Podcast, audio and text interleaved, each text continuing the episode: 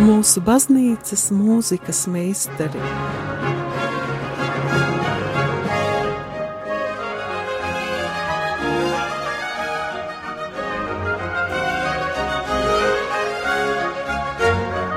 Studijā Dace Dreimane. Slavēts Kristus, dārgie radījumi arī klausītāji!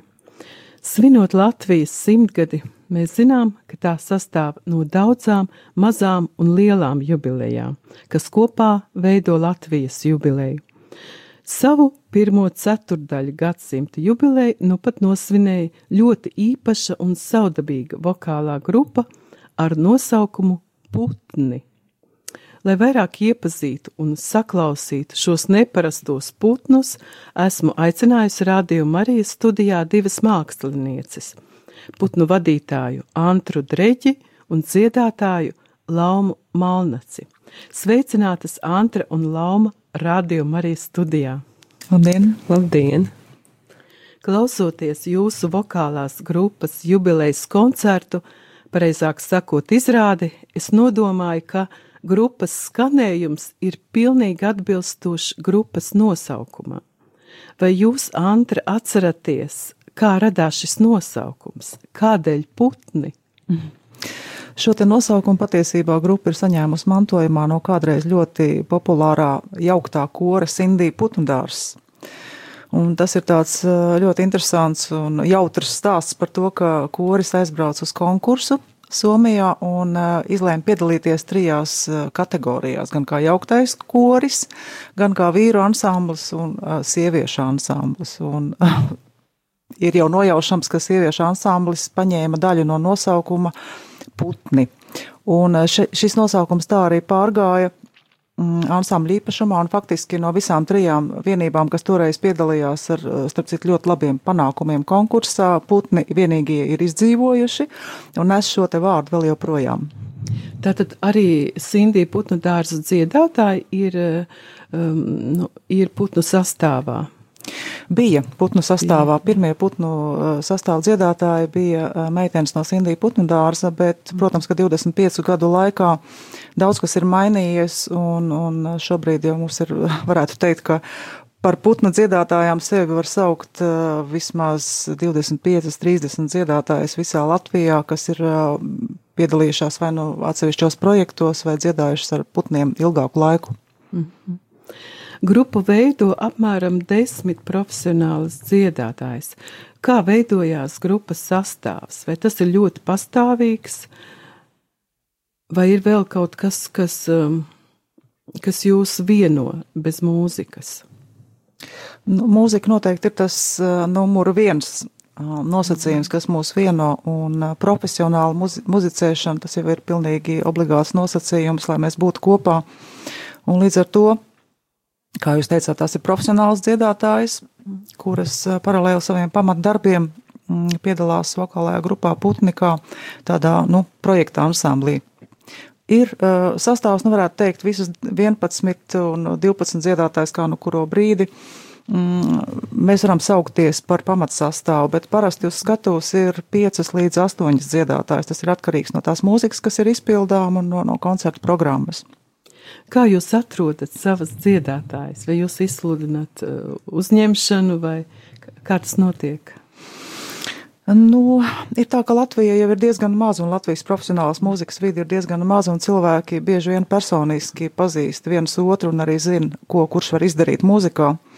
Uh, grupas putni vēsturē bijusi uh, viena konkursa situācija, kad mēs tiešām saņēmām arī vairākus labus dziedātājus konkursu kārtībā, bet uh, patiesībā bieži vien ir tā, ka uh, viena dziedātāja atved citu labu dziedātāju, un, un vienkārši nu, tas, tas veidojas kaut kā ļoti dabiski un draudzīgi šis process. Mm -hmm. Lama, kā jūs kļuvāt par putnu dziedātāju? Jā, nu, kā jau Andra teica, un arī tas pats stāsts, ka mani atveda, tā teikt, ieteica. Tā bija, šķiet, tā bija Agnes Urka 2014. gadā, kad Andra meklēja īstenībā savā vietā kādu dziedātāju altu tieši uz Līsistrates, kameru operas Līsistrate projektu, jo pati Andra to visu menedžēja, producēja un bija skaidrs, ka viņi to reizē nevar apvienot. Un tad kaut kā mēs ar Agnēs kopā mācījāmies, arī kaut kur šur tur dziedājām kopā, un tā viņa mani arī atveda. Es, es, piemēram, es, es atvedu uz putniem arī divas brīnišķīgas meitenes dārtu treju un līvu blūmu. Jā, tas bija mans atkal impulss no manas puses. Tad jau sanāk, ka jūs vienu arī draudzīgas saites. Jā, jā, jā, jā, un tas uzreiz padara to, to kopmuzicēšanas, to prieku vēl lielāku, jā, un arī, jāsaka, jautrāku brīžiem. Antra, bet tas nozīmē, ka jūs nedziedat. Es tomēr redzēju, ka jūs dziedat arī. es dziedu, dziedu. Bet, eh, protams, ka tas eh, darbs ir ārkārtīgi. Mm, atbildīgs, uh, ja tu vienlaikus esi dziedātājs un organizators. Un, un uh, pēdējā laikā es tomēr cenšos nodalīt šīs divas sfēras, jo mm, uh, vienkārši tā ir pārāk liela slodze. Es būtu uz skatuves un profesionāli darīt savu darbu, tā ir liela atbildība, un tad tev ir jāveltī visu sevi tam. Un līdz ar to man ir prieks, ka pēdējā laikā man ir iespēja arī sastrādāties ar talantīgiem menedžeriem, kas palīdz grupai veidot koncertu tūres un, un organizēt koncertus un tīri praktiski palīdzēt koncertu norises laikā, lai es varētu atrasties uz skatuves, kas, protams, man ir tas lielākais prieks. Bet ir gadījumi, nu, kā piemēram, gadījumā ar kameru operu līsistrati, ka tas vienkārši nebija iespējams, ka tas darba apjoms organizējot bija pārāk liels, lai es vēl spētu iemācīties no galvas eh, visu operas, tā teikt, eh, muzikālo tekstu un, un režijas prasības. Un es sapratu, ka man labāk ir iziet ārā no tā procesa un, un būt vienkārši organizatoram tajā brīdī. Skatoties jūsu jubilejas koncertu, es redzēju, ka gandrīz visas dziedātājas ciet no galvas tas ir tāds uzstādījums hmm. jūsu programmās. Uh, īstenībā nē, bet, protams, ka daudz, daudz uh, labāk tas mūzikas vēstījums līdz klausītājiem aiziet tad, ja mūzika ir uh, dziedāta no galvas. Un jubilejas koncertā mums tā kā uh, pārsvarā bija pirmatskaņojumi. Mēs acīm redzot labi pratām nospēlēt, ka izskatījās, ka mēs dziedam no galvas, bet patiesībā tā nebija. Bet, nu, protams, ka tas laiks, kas pavadīts ar mūzikas materiālu, nu, viņa jau faktiski tās notas ir tāds tikai pieturas punkts. Un uh, mūzika jau, jau ir uh, iegūlusies mm, uh, atmiņā un, un sirdī faktiski tā, ka to var uh, dziedāt nu, gandrīz vai no galvas, varētu teikt tikai pieturoties pie notīm. Kādu mūziku jūs izvēlaties savām programmām? Kas ir jūsu prioritāte? Mm, profesionālās kvalitātes ir numur viens, protams, un līdz ar to mēs vienmēr uzrunājam profesionālus komponistus, kuru, kuru darbi jau ir sevi, teiksim, apliecinājuši un par kuriem ir skaidrs, ka viņi arī izprot instrumentu, jo tas ir ļoti specifiski izprast tieši balsi. Ne katrs komponists spēja uzrakstīt balsī tā, lai, lai šis instruments skanētu.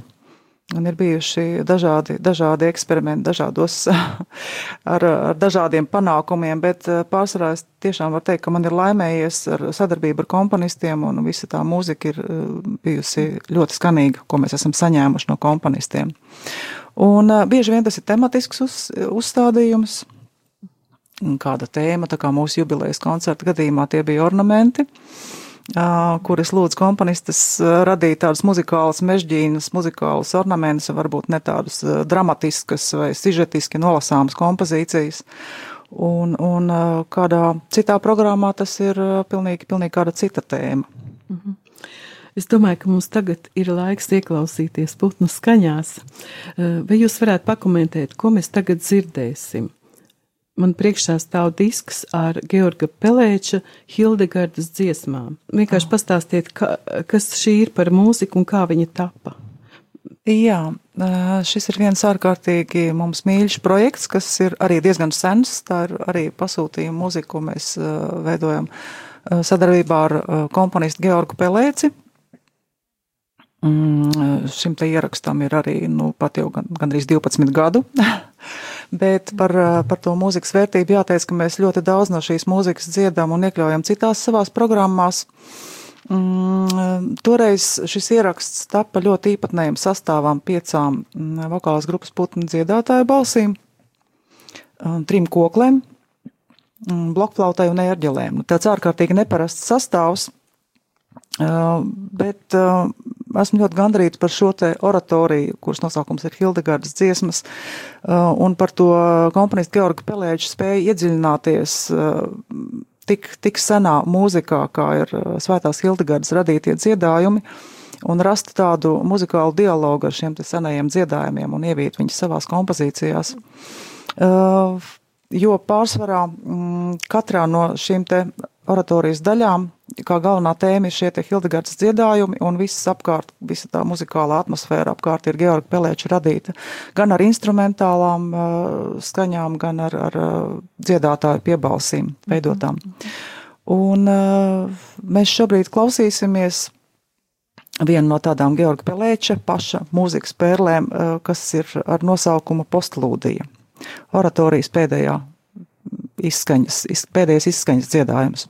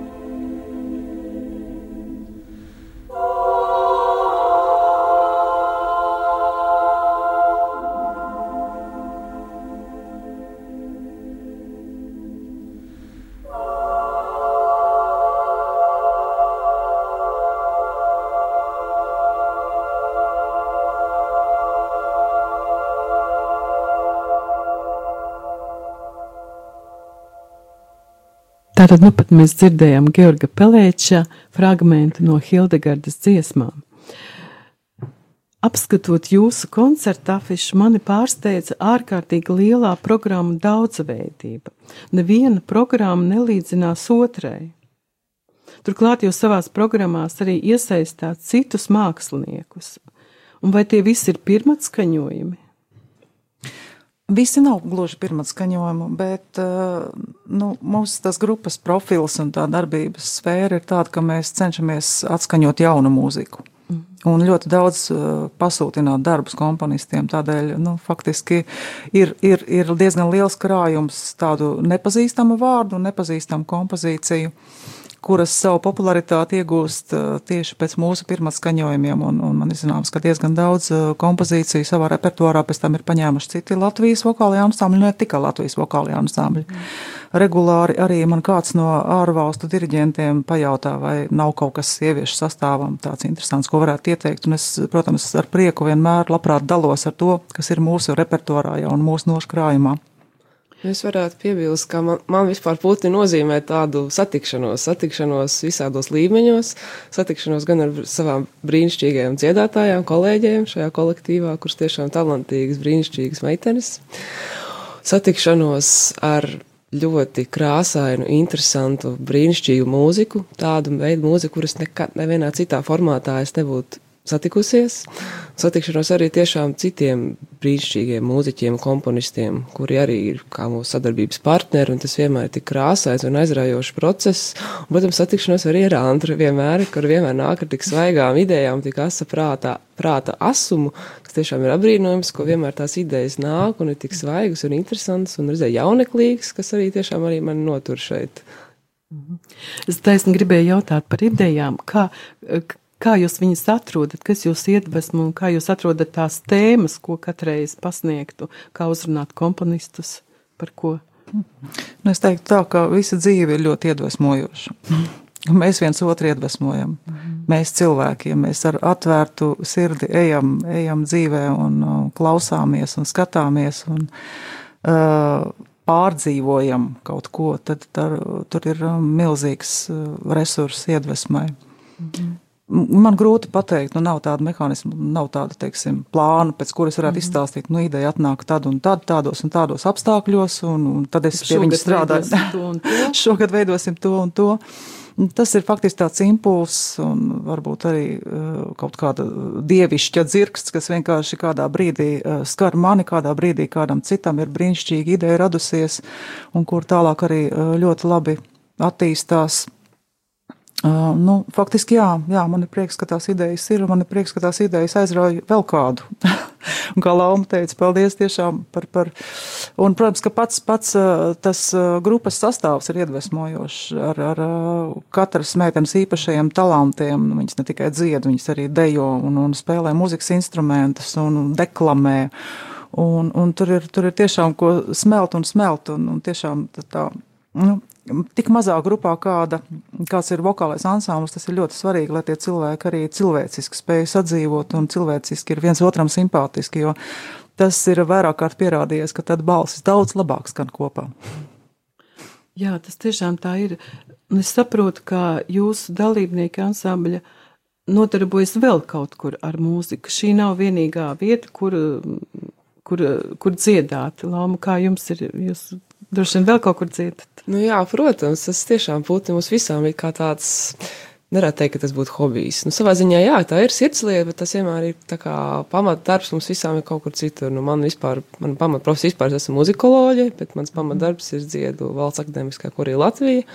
Darbojos arī muzikoloģijā visādos dažādos virzienos, un jā, putni ir vienmēr arī tāds veids tiešām, kā arī atsvaidzināt dzirdi, savu kaut kādu ansamblēšanos spēju, muzicēšanu tādā tik mazā grupā bez diriģenta, kas reizē no vienas puses it kā tajā visai kaut kāda lielāka brīvība, bet no otras puses tajā ir jābūt daudz asākai uzmanības koncentrācijai, lielākai paļaušanai, paļaušanais, paļaušanās uz vienai uz otru, kas reizē tā kā tā koncentrācija daudz lielāka nekā, ja, tā, ja, tur, nebū, ja tur būtu priekšā, man liekas, diriģents. Es tā domāju. Protams, Antra to visu procesu virza un vada, bet katrā ziņā tā ir tāda, jā, nu, smalka kameru muzicēšana, kas ir tiešām ikdienā dziedot lielā kolektīvā, kad ir ļoti svētīgi pie tā arī atgriezties. Cik jums bieži notiek mēģinājumi? Nevar iedomāties, cik, kā, kā vispār notiek mēģinājumi, vai tiek mācīts, kā, kāds tas process, vai tas ir ilgs, vai tas ir tikai tavs um, koncerts, pirms koncerta salasaties un tad uh, samēģināt un nodziedāt. No šāda profesionāla sastāva mm, varbūt nav nepieciešama tik bieži tie mēģinājumi. Protams, ka mēs uh, dozējam mēģinājumu skaitu atkarībā no tā, cik sarežģīts ir tas mūzikas materiāls, kas ir jāizpilda, jāizpilda un jāiemācās.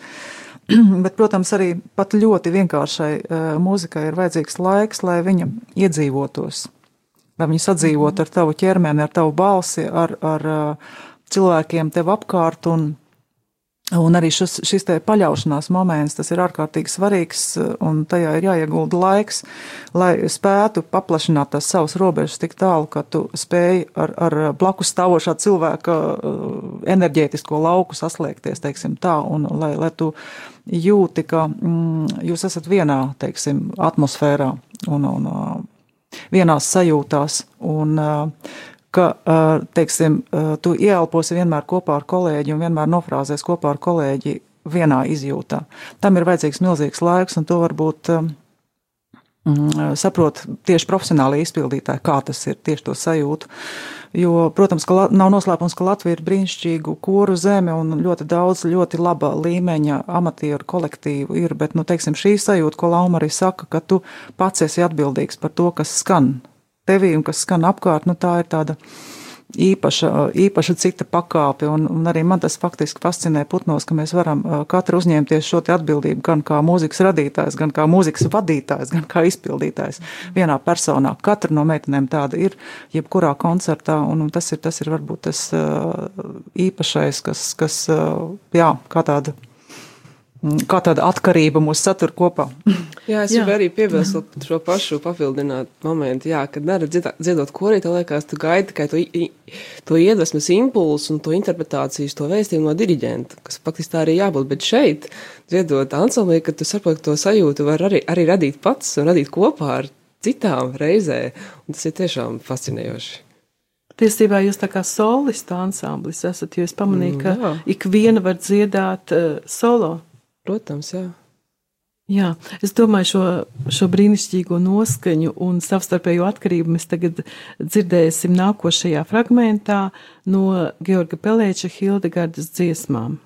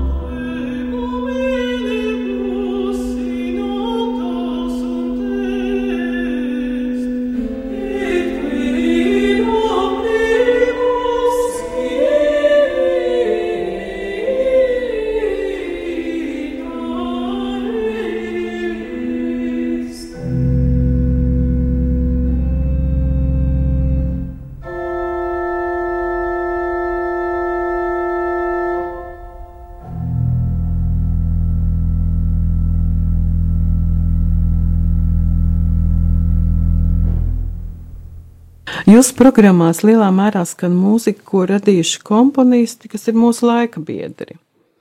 Kā jums veidojas ar viņiem sadarbība? Vai jūs uh, viņiem pasūtināt mūziku, jeb ir otrādāk, viņi ir sacerējuši kaut ko un jūs atrodat to, kā jū, notiek jūsu sadarbība ar Ir veidojas. ļoti dažādi. Ir gan, ka komponisti uzraksta un atnes mums kādu skaņdarbu, Bet visbiežāk tomēr ir, ka es uzrunāju komponistus. Jo nu, tur arī atkal ir dažiem tas stāsts par sadarību un par, teiksim, par kaut kādu ideju radniecību. Redzot, nu, ko komponists ir pirms tam rakstījis, un, un vai tev tas šķiet fascinējoši, interesanti, un vai tu gribētu arī ar viņu kādu gabaliņu ceļa paiet kopā un, teiksim, iedziļināties tajās idejās. Jā, tas vienmēr ir atkal šādā veidā.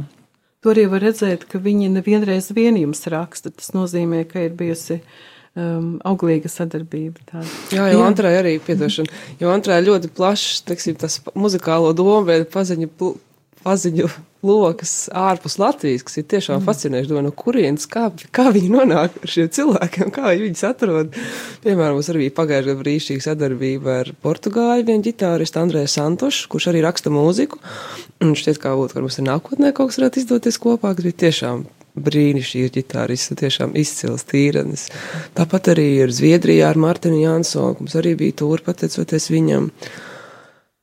Uh, Nu, labi, tas kaut kas bija izlaist, bet tagad neturpinām. Jā, Helēna. Helēna Vinkelmana no Šveices, piemēram, kas arī uh, uzrakstīja uz putniem ārkārtīgi sarežģītu, bet uh, brīnišķīgu kompozīciju ar buram dziesmu vārdiem. Gan šveiciešu, gan latviešu. Nu, tā arī bija tāda brīnišķīga sadarbība kopā ar, ar šveiciešu ansambli mm, Kamerata Variabile Bāziļa. Tas bija pirms, pirms vairākiem gadiem, bet nu, tādas neaizmirstamas atmiņas un neaizmirstama muzikāla pieredze. Jūsu balsis skan ne tikai Latvijā, bet arī tālu aiz tām robežām. Kur jūs visbiežāk esat aicinātas? Grūti pateikt, laikam eh, vēl joprojām nav pārspērts eh, Somijas apmeklējuma rekords. Mūsu darbības sākumā mēs braucām uz Somiju tūrēs eh, ar kādiem 11 nu, koncertiem vienā reizē, nu, trīs reizes gadā. Mm, mums bija menedžeris Somijā, kurš rūpējās par to, lai mēs regulāri tur būtu, un faktiski Somu klausītāji mūs iepazina ļoti labi. Un tas bija arī tāds faktiski ansambļa profesionālās pieslīpēšanās sākums, jo nu, tik liels koncertu skaits nevar neatstāt iespaidu uz, teiksim, ansambļa kvalitāti. Un tie bija arī mūsu, mūsu pirmie panākumi starptautiskos konkursos, Grand Prix un, un godalgotās vietas. Nu, varētu teikt, savā ziņā laimīgā bērnība. un pēc tam, pēc tam jau uh, mēs koncertējām visur, visur kur Eiropā, bet nu, tik bieži kā Somijā, laikam nevienā citā valstī. Šī gada martā jums bija vērienīga koncertūra Amerikas Savienotajās valstīs. Vai varat pastāstīt, kas tas bija par projektu? Mm, mēs piedalījāmies Ziemeļrietumu kordiriģentu konferencē uh, um, Portlandē. Un, uh, tur sniedzām gan meistarklases, gan, gan arī dzen, solo uzstāšanos. Un, manuprāt, tas vērtīgākais no visa brauciena bija tās meistarklases, kad mēs gājām amerikāņu publikā un ļoti daudz tieši ar universitāšu studentiem runājām un stāstījām par savu mūziku. Un, un tas, ka mums ir krājumā tik daudz jaunu darbu un tik daudz uh, oriģinālu mūzikas, un uh, tiešām, kad vajadzēja gatavoties meistarklases, mēs apjautām to bagātību, kas ir mūsu rokās un mūsu krājumos, lai veidotu prezentāciju ar vis, visiem tiem brīnumiem, ko mēs esam darījuši. Mēs atcerējāmies, tiešām nu, ir ļoti, ļoti daudz laba sastrādāts, un, un tas vēstījums sanāca ļoti bagātīgs un krāsains uh, tieši šiem te universitāšu klausītājiem. Viņi uzdeva ļoti daudz jautājumus. Un, Un mēs ļoti daudz stāstījām, un faktiski katrā no meistarklasēm nodziedājām vēl vienu veselu koncertu, jo mm, tie mūsu klausītāji prasīja vēl kaut ko, un vēl kaut ko, un vēl kaut ko, bija papildus jautājumi, un tur bija gan par uh, to, kā mēs uh, esam uzauguši ar kādām dziesmām, un tad katra meitene dziedāja savu, savu mīļāko tautas dziesmu, un, Un, uh, gan par izglītību bija jautājumi, gan par visu šo te koru kustību Latvijā. Man bija prieks, ka mums bija ļoti daudz ko stāstīt. Tā skaitā, man liekas, ka lielākais uh, šoks un jaunatklājums bija elektroniskais diriģents. Jā, ko mums veidoja Platons Buravickis pagājuši gadu, jā, uz festivāla arēnas koncertu, jā, kas arī bija diezgan liels izaicinājums, bet bija tiešām fascinējošs projekts. Jā, kā viņš bija veidojis. Uh, Viņš izveidoja datoru programmu, kurš ir tāds tā kā elektroniskais diriģents. Mēs sapratām, nu, mēs neviena diriģēt nevaram, jo mums ir jādzied, mums ir ārkārtīgi sarežģīts materiāls jāatskaņo, visu laiku jāskatās notiek. apstājas, vienkārši 50, 40 lapas puši vienkārši kopā ar elektronu. Bija skaidrs, ka mēs nevaram kopā to visu pašas tas ejas lakie dabūt, tad Platons nāca ar tādu ierosinājumu, ka viņš izveidos elektronisko diriģentu, jā, kas priekšā rāda taktis, taktis, arī arī cetur, arī takšu. Taktu, taktu numuru, uh, sitienu skaitu ta, taktī un bija vēl žestu imitējošs. Jā, tāda, tāda. Svārsts, jā, un kur, uz kuros mums visām, visām bija jāstiekas, lai mēs būtu precīzi, un mēs visi skatījāmies ekrānā. Un tas viss izdevās. Tas viss izdevās, jā, un, un tas, tas pārzīmējums bija tiešām tāds, tāds ļoti, ļoti ekskluzīvs, varētu teikt. Un, Uh, šo mēs arī parādījām, kāds izskatās elektroniskais diriģents. Mēs parādījām cilvēkiem meistarklasēs, un, un tiešām ļoti liela interese par to visu izvērtās. Un bija daudz, daudz papildu jautājumu par to, bet nu, jā, mūsu pašu praksē tā arī bija tāda ļoti interesanta pieredze. Latvijā tas nav skanējis, eh, nav, nav bijis redzams šis elektroniskais. Tas bija redzams trīs koncertos jaunās mūzikas festivālā arēna pagājušajā gadā. Klubā One One mums bija šis te priekšnesums un, un cilvēki varēja redzēt, viņi gan neredzēja diriģentu, tas bija mūsu mazais noslēpums, jo ekrāns bija pavērsts pret mums, mm -hmm. datora ekrāns un, un, un, un diriģents diriģēja mūs, bet, nu, mm -hmm. katrā ziņā tas bija tāds, tāds uh, interesants piedzīvojums arī tajā ziņā, ka mēs sapratām, cik ļoti nepielūdzami precīzi ir elektronika. Jo uh, dzīves diriģents vienmēr nāk ar emocijām, ar savu žestu, un viņš nevar būt tik nepielūdzami precīzs, kā bija šis elektroniskais diriģents. Tas mums arī paprasīja laiku, lai mēs uh, sevi sastruktūrizētu un uh, spētu sekot šim te varbūt mehāniskajam diriģentam, nevis dabiskajam. Bet, nu, katrā ziņā tas ir arī tāds viens, viens uh, inovācijas solis mūzikā. Mhm kas atsevišķos gadījumos varbūt ir ļoti noderīgs, un tieši mūzikas profesionāļu vidū Amerikā tas arī izraisīja lielu interesi. -hmm. Brīnišķīgi, Lama, kāda jums ir spilgtākie iespaidi no Amerikas brauciena? Jā, tā tiešām bija šīs uzstāšanās šajās konferencēs, runāšana ar cilvēkiem, un, protams, tā amerikāņu, tā viņa kultūra, tā viņa būtība, viņa ir ārkārtīgi atvērta, viņa nāk tev prasa jautājumus. Tiešām ir tāds, varbūt, protams, tādā latviešu mentalitātē liekas, ka viņi it kā laužās tavā teritorijā. Mm -hmm. Bet tas, ka, jā, ka mēs arī ejam viņu priekšā uzstāties, man, man viss spilgtāk laikam atmiņā paliek tieši šī uzstāšanās amerikāņu kordiģentu asociācijas tajā konferences noslēguma koncertā, kas bija tāds it kā īsais sprints, tad pirms kā 20 minūšu, 25 minūšu mm -hmm. uzstāšanās, bet tur publikā bija viss, tā teikt, profesionāļu elite, visu kordiriģentu, visādi profesori, kordiriģenti, arī paši dziedātāji, un tā, tā atmosfēra uzējot, tur pirms tam uz, uzstājās vairāk kolektīvu, uzējot bija tāda, nu, tāda tā kā uz adatām to esi, un tas bija vienkārši tāds, es jūtu baigo adrenalīnu, un viss arī tiešām ar ārkārtīgu sajūsmu uzņēma mūsu priekšnesumu, un tas man pagāja tiešām tādā, laikam, vispilgtākais, tādā muzikālā ziņā tieši, bet, protams, vispārējie tie bija tā kā būtu tāds vairāk tāds sociāls prieks par to visu, prie, to viņu interesi par mums, un, un mūsu sarunām, un mūsu arī tās konferences uzstāšanos, un jā, vispār. Un, protams, arī emocionālā nots, ko, ko mēs kopīgi pārdzīvējām ar uh, Amerikas Latviešu sabiedrību, jo arī tur mēs sniedzām koncertus uh, ar latviešu tautas mūziku un, un latviešu oriģinālu mūziku, un, protams, ka tas, tas ir atkal pilnīgi, pilnīgi cits stāsts. Jā, nu, tagad mēs atkal iesim muzikālā pauzē ar Georga Pelēča Hildegardas dziesmām.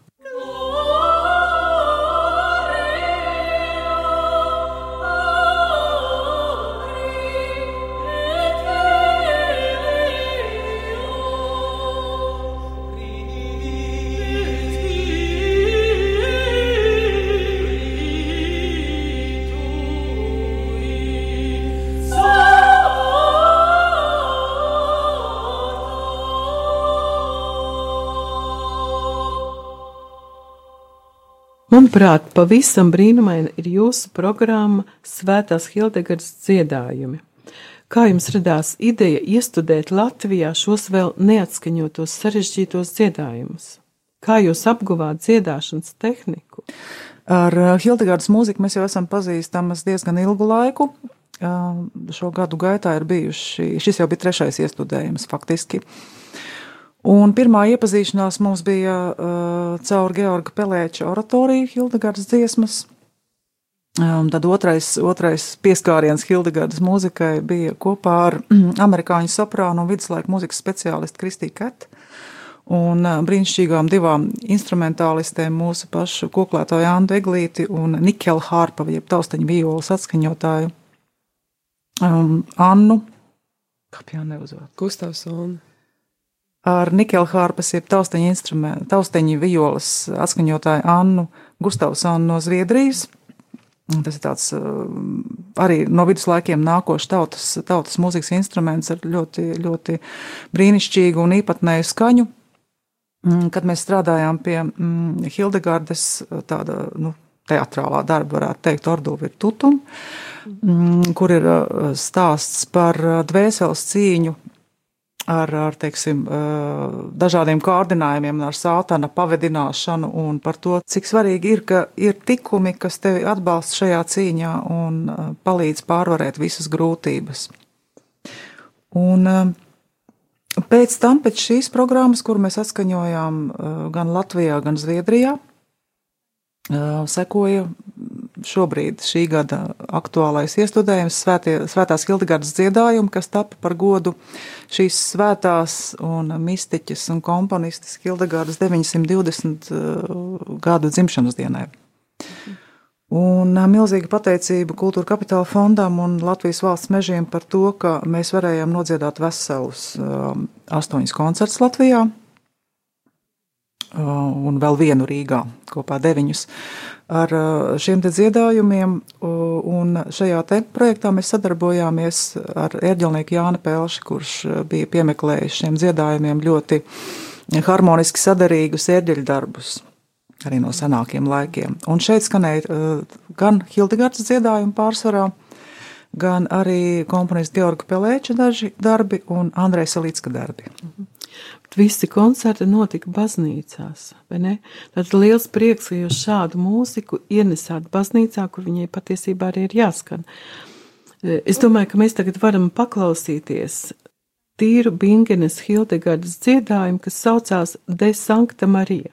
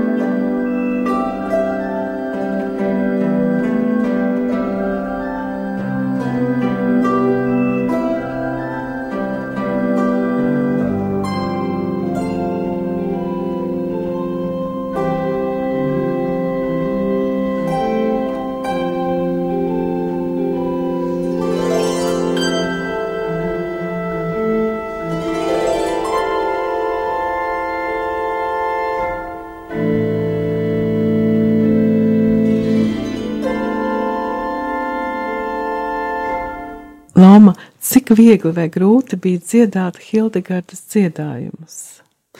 Nu jā, šī arī bija mana vispār pirmā sastapšanās ar šāda veida mūziku, kā izpildītājai. Gan gan arī 14. gadā par šo, ar šo projektu Ordo Virtūtum, par ko Andris stāstīja arī šogad.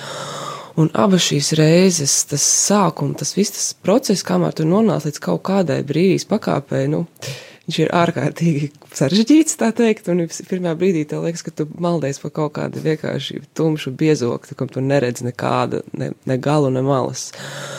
Bet tad tas, tu redz kaut kā to mērķi, un tas ir prasa, protams, laiku, sadziedāšanos, pacietību, protams, liela, liela pacietība, jo izburtot visu šo seno, seno drūku, kuru, kurā virzienā vispār dodas šī līnija, lai tas vispār kaut cik iegultos tavā balsī, nu tas prasa tiešām, tiešām lielu laiku. Bet tas moments, kad tu sāc noķert to brīvības sajūtu, kad, jo jums ir vairāk, šī mūzika ir bez kaut kādas metrāžas, tas ir pilnīgi, tas ir katrai vēl uz ārkārtīgi vēl lielāku savstarpēju uzmanības koncentrācijai tur ir jābūt. Un, kad tiek noķerta šī sajūta, nu, tad tur pavarās, man liekas, citi vispār apvāršņi, tiešām tādi dievišķi plašs lauks, kas vienkārši tā mūzika vienkārši līs pār tevi un tevī. Un kas bija interesanti, ka šajā 14. gadā, kad mums strādāja šī brīnišķīgā amerikāņu, amer, šis brīnišķīgais amerikāņu soprāns, kas arī ir, kas saprot, arī profesori Bērklī universitātē, viņi ir tiešām arī slavenā senā mūzikas ansambļa uh, Tapestry un, Tapestry, un vairāk, solis. vairāk citu ansambļu dalībniece un vadītāja, un arī jā, vokālais pedagogs. Jā, jā, jā, viņi ar mums arī strādāja. Katru dziedātāju individuāli, un mēs arī dziedājām šīs savas tās lomiņas, mēs katru bijām savs tikums, mēs dziedājām šīs lomas no galvas, un viņi mums strādāja arī individuāli ar katru, un tas bija tik interesanti, ka, ka, ka viņa šī pieeja bija tiešām caur ķermeni. Viņa lika mums kustēties, kustināt rokas un sajust, tiešām kā šī mūzika ielīst tieši tavā ķermenī, nevis domāt tehniski tā, kā, kā kur virzienu, kur man tas jāved. Bet tiešām, ka tev palīdz šis ķermenis, un arī, ka mēs klausāmies šos Hildegardas dziedājumus, man šķiet, tur arī ir, tas ir reizē par dievišķo ķermenī. Es tā to mūziku izjūtu, tāpēc arī, kad es kā cilvēks viņu izfilmu, man tiešām ielīs kaut kāda šī dievišķā dzirgas no pašas Hildegardas, kura tiešām runā ārkārtīgi laikmetīgi, šobrīd arī 21. gadsimtā ar katru no mums. Kādu tikumu jums vajadzēja dziedāt? Es biju, es, es man liekas, biju kārdināšana, nē. Jā. jā. Contemptus mundi. Pasaules, kār... pasaules kārdinājums. Pasaules jā. kārdinājums. Es biju pazemība, un tad mums solisti Ivetiņa bija dvēsele, anima. Jā, tur bija gudrība, bija labestība, mīlestība, un es biju kaut kā tāds beztrustība melnais zirbulis tādā veidā, jā. Jā, bet nu, tā loma bija ļoti nozīmīga, jo nu, tu, teiksim, arī atklāja ļoti daudz tieši tādā dvēselē, nu, tajā mistērijā visā, ko Hildegarda ir rakstījusi. Un kas, protams, ir, nu, tur ir nepieciešams tulkojums mūsdienu valodā vis, visam tam stāstam, bet faktiski, ja abstrahējas no teksta, tad tā muzikālā vadlīnija tas muzikālais vēstījums nolasās patiešo ļoti skaidri no cilvēka cilvēkam, un, un arī tā programma bija ļoti labi novērtēta no klausītājiem, un arī ļoti labi uztverta no klausītājiem. Kaut arī mēs devām tos tekstu tulkojumus arī līdz programmiņās, bet mūzika runāja pati par sevi, un kur nu vēl dievišķās koklas skaņas un nikelharpas skanējums, kas to visu padarīja vienkārši, vienkārši ļoti skaistu. Jā, par šī, no šī muzika nav tā, teiksim, ārkārtīgi vienkārši klausām, tā nav tāda, kas pielīpja austiņas un tāda. Mm -hmm tāda melodiska, nu, tā kā, kā mēs saprotam, tāda patīkama mūzika, bet šajās baznīciņās, kad mēs bijām Latgalē, bija pilns ar šīm vecajām tantiņām un pēdējais koncerts Baltinamā, viņi bija pilni un kā viņas visas klausījās un tiešām ar tādu interesi un kad tu saproti, jā, tas šīs mūzikas vēstījums iet pāri kaut kādā. Kā ar ikdienišķiem, tā ir tā, tiešām tā dievišķā, dievišķā zirgs, kas, eh, kuru bija saņēmusi arī Hildegarda savās vīzijās jau no agras bērnības. Jo viņa bija patiešām, patiešām dieva izredzēts cilvēks, un tieši tādēļ man šķiet, ka ir ļoti svarīgi, ka šī mūzika atgriežas baznīcās arī Latvijā, kur viņa ir maz skanējusi. Nu, tam ir arī, protams, ka tehniski iemesli, jo viņa ir ļoti grūti izpildāma. Tur ir vajadzīga tiešām īpaša sagatavotība un milzīgs laiks, kā Lauma teica, lai sadziedātos kopā, jo tie ir unisoni dziedājumi, Un es, es burtiski arī fiziski varētu teikt, izjūtu to svētību no šiem dziedājumiem, ko mēs visas kā dziedātājas saņēmām. Kopā iestudējot, kopā dziedot un kopā pēc tam atskaņojot to uh, citiem cilvēkiem baznīcās. Tā, kā, nu, tas, tas, tā svētība ir bijusi ar mums. Es ļoti ceru, ka jums izdosies iemūžināt Hildegardas dziedājumus jaunā albumā. Ir bijuši jau daudzi koncerti, bet vai jūs neplānojat pie viņas atgriezties vēl? Es domāju, ka nav iespējams šķirties no Hildegardas pēc visa, kas jau ir ticis iestudēts. Un, un faktiski tā mūzika, tas paprasīja ļoti ilgu laiku, lai tā viņas estētikā iekļūtu. Bet man šķiet, nu pat jau mums ir tā, ka mums gribētos nodziedāt viņu vēl un vēl. Un vēl jaunus darbus atklāt. Ļoti daudz jau vēl nav atskaņota. Ļoti daudz nav atskaņots, jā, tieši tā. Uh, lai skan vēl fragmenti no Georga Pelēča Hildegardas dziesmām.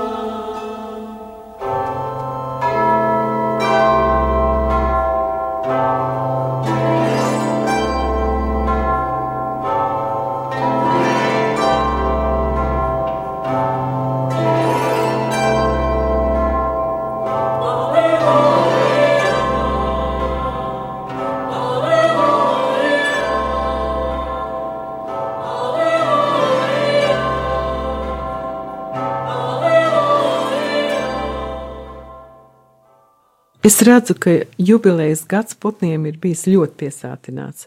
Vai šogad ir paredzēts vēl kāds koncerts, varbūt pat jauna programma? Jā, kā katru gadu Ziemassvētkos un Adventu laikā mēs strādājam pie jaunas programmas. Nu, tā jau arī ir nu, pat jau tradīcija, ka mēs piedāvājam tādu citādāku alternatīvu saturu Ziemassvētku laikam. Un, um, ja pagājušo gadu mēs uzstājāmies kopā ar portugāļu ģitāristu Andrēsu Santošu un mūsu pašu Kasparu Zemīti, ja pirms tam mēs uh, uzstājāmies koncertā kopā ar uh, spīķeru kvartetu un vēl pirms tam ar uh, arfisti Jekaterinu Suvorovu, tad šogad mums ir pavisam interesants sastāvs, kas radīs jaunu mūziku par tēmu dziesmai Klusa nakts, svēta nakts, 200 gadi. Tā ir vēl viena jubileja par kuru varbūt runājot par Latvijas simtgadi un, un daudzām citām jubilejām, varbūt ir mazāk runāts šajā gadā. Bet tas arī ir vēsturisks fakts. Klusa nakts eh, šogad svin savu 200 gadi, un mēs esam veltījuši veselu koncertu tūri, vesels septiņas koncerts Latvijā tieši šīs te, eh, šīs te programmas atskaņošanai. Un uh, programma top kopā ar um, brīnišķīgiem trīs mūziķiem - Ievu Salieti, klavesīnisti, Jēkabu Nīmani, komponistu un uh, klarnetistu, un Matīs Čudaru, ģitāristu un arī zem komponistu. Viņi jau pašreiz ir uzsākuši darbu, un pirmās kompozīcijas jau ir uh, līdz mums atnākušas. Mēs jau pēc, pēc kādām uh, dažām nedēļām sāksim šo mūziku mēģināt, un jau 9. decembrī sāksies šī mūsu koncerta tūra, kas ies līdz pat 26. decembrim. Vai Rīgā arī paredzēts kāds? Koncerts? Jā, Rīgā koncerts būs 16. decembrī. bet uh, vēl mums būs koncerti arī Liepājā, Dobelē, Smiltenē, Ogrē, Ķekavā, Kuldīgā. Tā kā diezgan plaša tā koncerta geogrāfija ir un visiem, kas vēlēsies uh, kopā ar mums nodziedāt dziesmu klusa nakts, svēta nakts, esat laipni gaidīt šajos koncertos. Paldies, liels! Brīnišķīgs, eh, brīnišķīga informācija, ka mums vēl būs iespēja jūs dzirdēt, un es domāju, ka mēs noslēgumā varētu paklausīties kaut ko no jūsu iepriekšējās Ziemassvētku programmas.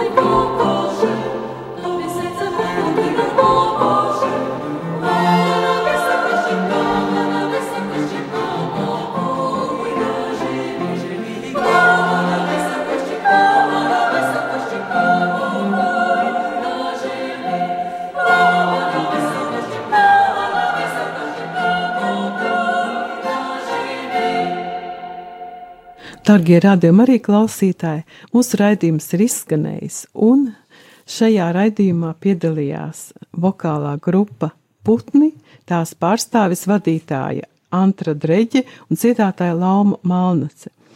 Paldies jums par uzmanību, uz tikšanos ar Dievu!